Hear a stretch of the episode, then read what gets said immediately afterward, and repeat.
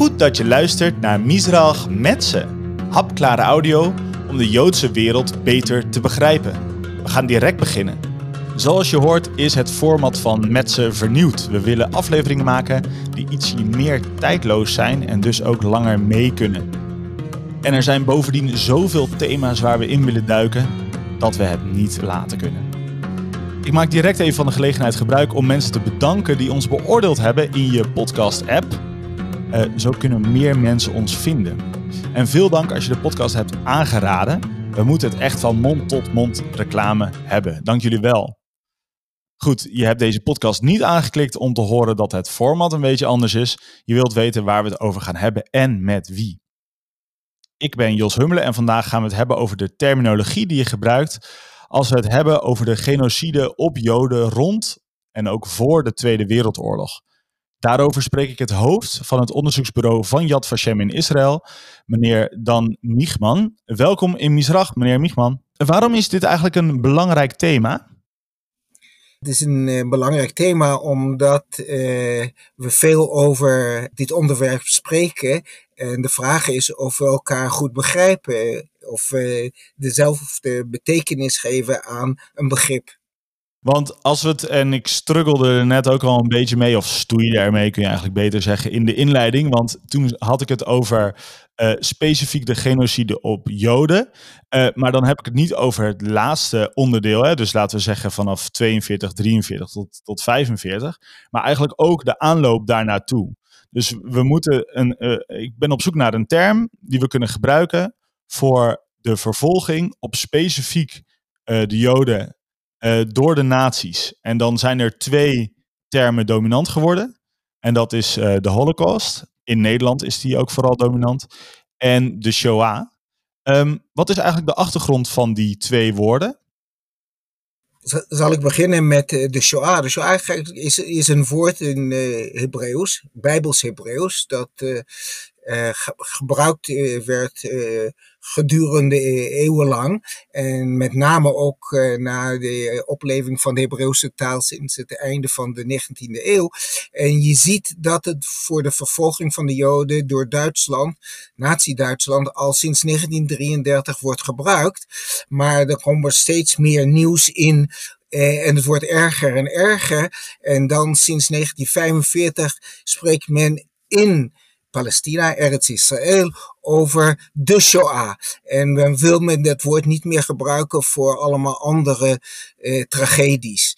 En dat is dus de achtergrond van het woord in het Hebreeuws. Eh, wat uh, het woord holocaust begrijpt, dat is een Grieks woord, uh, dat al ook in de Septuaginta uh, wordt gebruikt voor een brandoffer. En ook later in allerlei talen, Europese talen, wordt gebruikt voor allemaal tragedies en branden en schipbreuken en weet ik wat. ook tijdens de Tweede Wereldoorlog wordt het voor allerlei dingen gebruikt, maar we kunnen zien eh, dat sinds 1960 rondom het Eichmann-proces eh, en de publicatie van, in het Engels van het boek van Elie Wiesel Knight, het woord Holocaust wordt gebruikt eh, voor eh, eh, de vervolging van de Joden tijdens eh, de nazi-periode. Ja, en wat is het probleem of wat is de vaagheid van bijvoorbeeld het woord Holocaust? Uh, eigenlijk in beide gevallen uh, is, is begrip vertelt je niet wat er precies gebeurd is. Uh, en je moet iets weten over wat er gebeurd is om te begrijpen dat dit begrip daarvoor wordt, wordt gebruikt. dat is dus een, een, een probleem.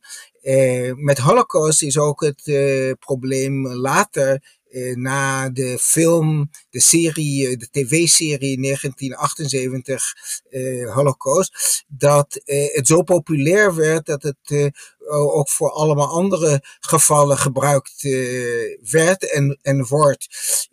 voor de Homo Holocaust bijvoorbeeld is een boek, of over Black Holocaust, voor de moord op eh, Afro-Amerikanen gedurende enkele eeuwen in de, in de Verenigde Staten, enzovoort, enzovoort. Dus, eh, ook de holocaust op dieren?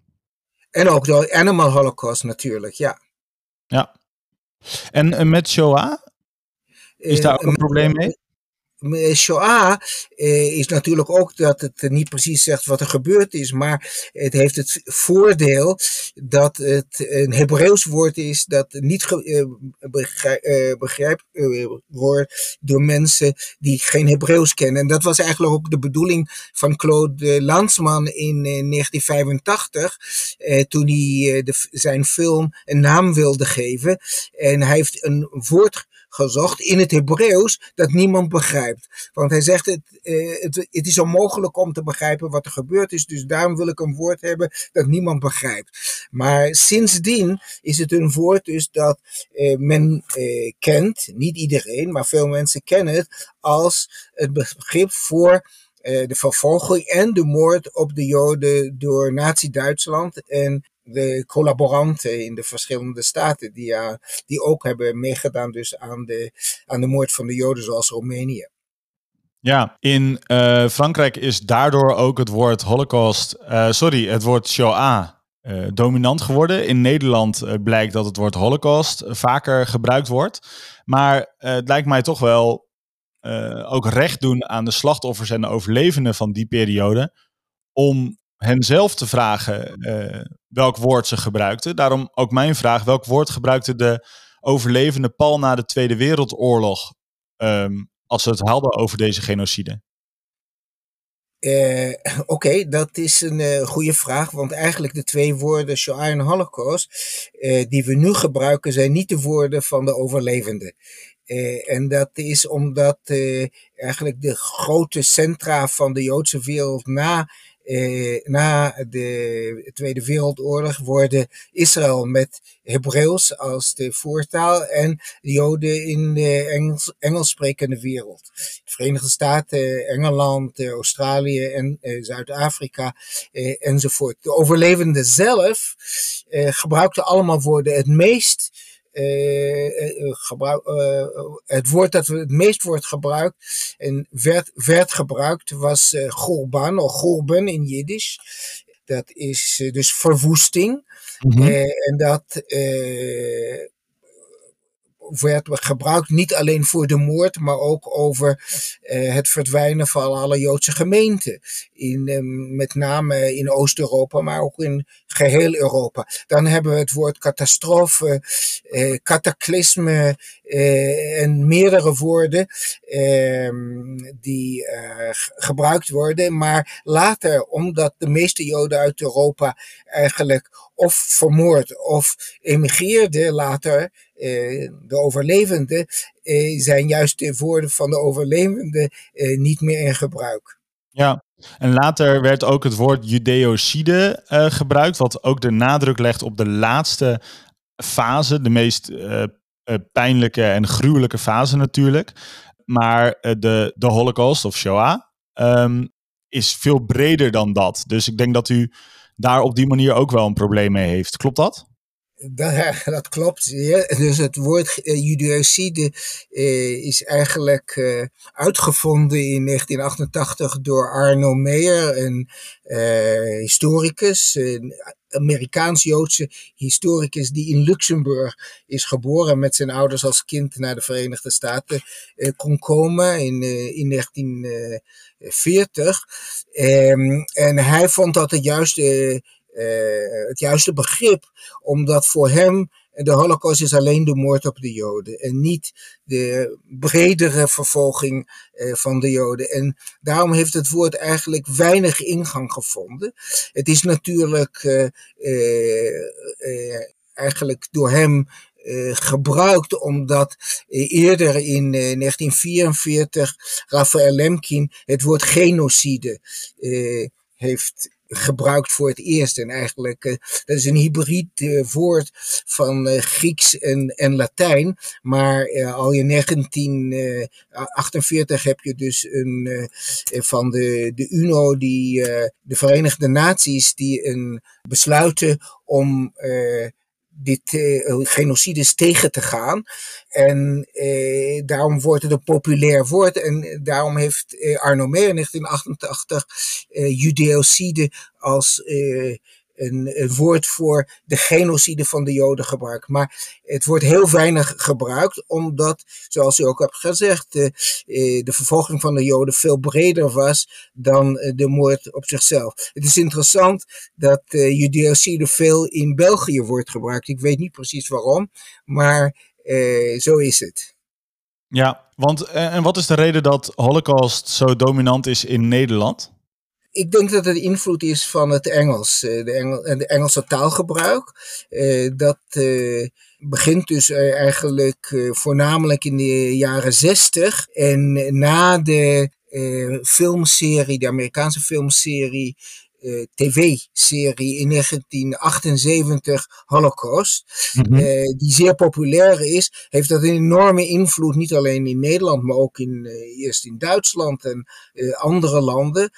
later met de film van Claude Lanzmann in 1985, dus die het woord Shoah gebruikt, krijg je een een, een, andere invloed, maar die maar beperkt is tot de Franstalige landen voornamelijk.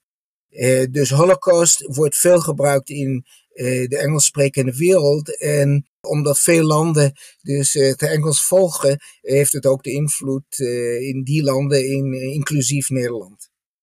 Goh, dus op die manier is eigenlijk populaire cultuur, zoals films en series, zijn ook echt een factor om, om rekening mee te houden. Um, nou, dat maakt die, die, die semantiek van die begrippen wel heel, heel dynamisch. Ja, wordt, wordt het woord holocaust ook voor andere contexten gebruikt bijvoorbeeld? Ja, dus eh, omdat het zo populair is, hebben we al in de jaren tachtig eh, een boek in het Nederlands, Homo Holocaust. Eh, bijvoorbeeld, dat is uit 1980. En dan heb je. Daar je al over. En wat, wat is daar. Ja, ik probeer het niet in te vullen, maar laat ik dan een stelling droppen waar u tegen in mag gaan ja, is dat een inflatie van een woord? Verwatert het dan als het zeg maar meerdere betekenissen gaat krijgen? Ja, het ver, verwatert in enige zin, omdat het voor een bepaalde periode alleen de Joden uh, uh, zich alleen eigenlijk richtte op de vervolging van de Joden. En op het moment dat je dus uh, andere groepen daarbij doet, dat is niet verkeerd, maar dan is het de vraag hoe interpreteer je wat er in het verleden is gebeurd. Ja? En, eh, en of je dus allemaal, al die groepen die je daar in, in, die, in dat begrip brengt, wegens dezelfde achtergrond vervolgd zijn. En eh, het is heel duidelijk dat er allerlei groepen waren, en de Sinti en de Roma, of zoals de Duitsers het noemden, de Zigeuners, de Zigeuner, eh, dat die ook uh, vermoord zijn, eh, grotendeels, en vervolgd. Maar eh, toch eh, keken de Duitsers anders uh, aan tegen uh, de Zigeuners en uh, andere Oost-Europese groepen dan tegen de Joden. Want de Joden waren een probleem voor de hele wereld. En niet alleen een plaatselijk probleem. Ja, Precies. In Frankrijk werd het woord Shoah uh, pregnant. Uh, Engeland en Nederland, zoals wel vaker gebruikt, samen het woord Holocaust vooral. Um, hoe zit dat in andere Europese landen, bijvoorbeeld Duitsland? In Duitsland eh, was het eerst eh, Holocaust onder de invloed van, eh, van die tv-serie uit 1978. Eh, hij heeft een grote indruk gemaakt. Eh, later krijg je ook uh, Shoah. Ik heb de ervaring met mijn eigen artikelen die in het Duits verschijnen. Dat het soms Holocaust is, maar vaak Shoah. Want dan mm -hmm. zeggen we men, we moeten het Joodse woord gebruiken. Ja, dat is een gedeelte van de herinneringscultuur eh, in Duitsland. Maar je hebt ook in Duitsland het interessante eh, verschijnsel dat er een verschil wordt gemaakt tussen de jaren 30 en de jaren 40. En in de bibliotheek, in, in het bibliotheeksysteem van Duitsland bijvoorbeeld, Judenvervolgung, dat is voor de jaren 30. En Judenvernichtung is voor de jaren 40. En, en dus uh, dat is ook in zekere zin fluide, maar je hebt beide woorden die, die vaak worden gebruikt. In andere landen heb je ook soms andere woorden die identiek zijn met de betekenis van deze twee begrippen. Ja, ik weet bijvoorbeeld dat in het Zweeds heb je een Zweeds woord en dat ja, betekent Förintelsen. Förintelsen. Exact. In het, in, in het Zweeds. Uh, in, in het Pools is het Zaglada of Zaglada Żydov. Uh, en dat is de catastrofe van, uh, van de Joden. En dat is eigenlijk een vertaling van Shoah.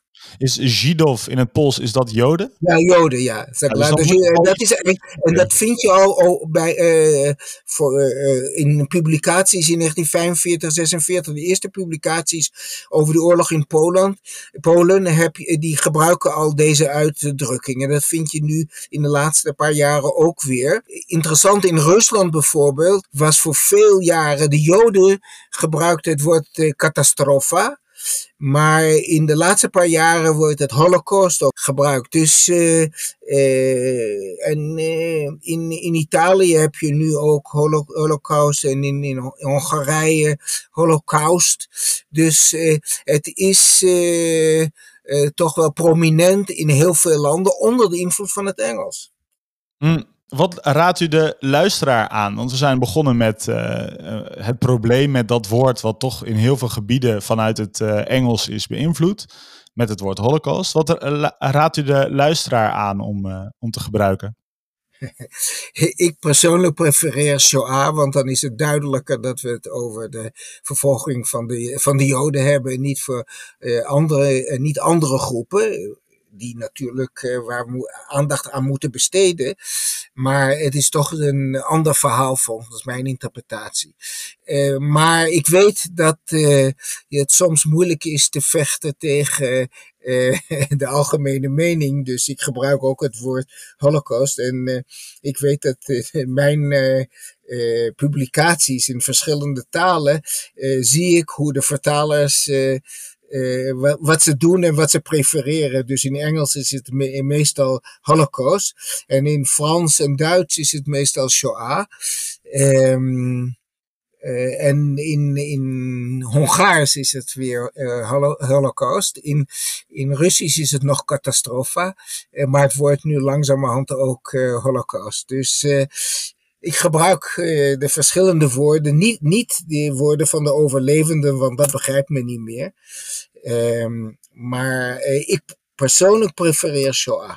Ja, en u bent een autoriteit op dit gebied. En uh, wij hebben daar, heb ik ook geleerd, invloed op. Want het is maar net de woorden die eigenlijk de mensen, bij wijze van spreken, als ze elkaar ontmoeten, gebruiken, die in, in zwang raken.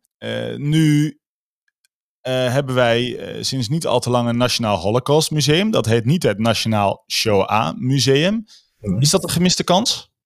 Uh, dat is een goede vraag, maar de beslissing is genomen omdat men een enquête heeft gevraagd, gemaakt. En dus een Nederlands publiek werd onderzocht welke begrip meer bekend is in Nederland. En het blijkt dat Holocaust meer dan Shoah is.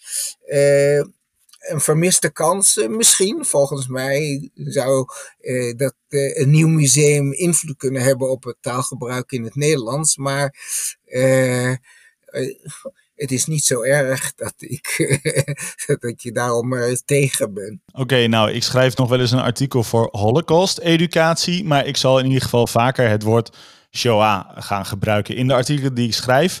Dank daarvoor Dan Michman van Yad Vashem vanuit Jeruzalem. Onze volgende aflevering is een hele speciale aflevering. Speciaal voor Rosh Hashanah. We hebben die speciaal opgenomen vanuit Etz Chaim. Zeker luisteren dus.